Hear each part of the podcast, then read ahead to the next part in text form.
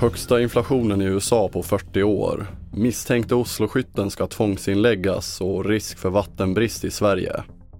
Det är rubrikerna i TV4-nyheterna, men vi börjar med att den amerikanska inflationen uppgick till 9,1% i juni, vilket är den högsta siffran sedan november 1981. Ekonomer hade i genomsnitt väntat sig en inflationstakt på 8,8 procent och Stockholmsbörsen faller på beskedet och är ner 1,6 procent efter att tidigare legat på minus 0,9 procent. Det betyder ju väldigt mycket. USA är världens största ekonomi och kapitalmarknad och den amerikanska konsumenten är viktig för oss alla. Det är två tredjedelar av vår amerikanska ekonomi.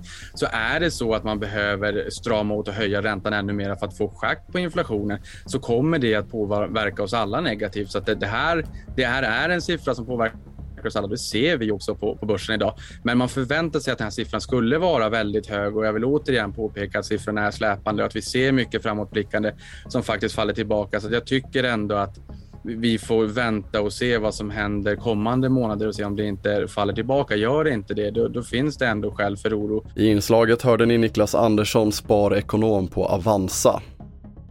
Vi fortsätter i Oslo där Sanjar Matapour som misstänks för skjutningen i Oslo i juni läggs in på sjukhus för observation under tvång. Detta då de experter som har i uppgift att bedöma hur tillräknelig 43-åringen är anser sig inte ha fått möjlighet att göra detta ordentligt. Matapour har tidigare diagnostiserats med paranoid schizofreni och han har hittills vägrat att samarbeta med polisen.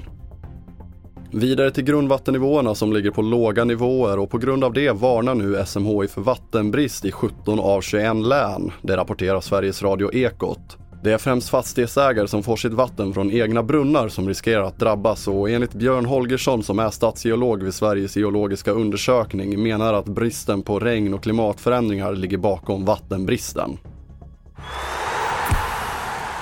Och vi avslutar i England där Sverige möter Schweiz i fotbolls-EM ikväll. Under veckan har Schweiz haft kris i laget med flera spelare som haft magproblem men inför matchen verkar det enligt Sportbladet trots allt bara bli en ändring i startelvan.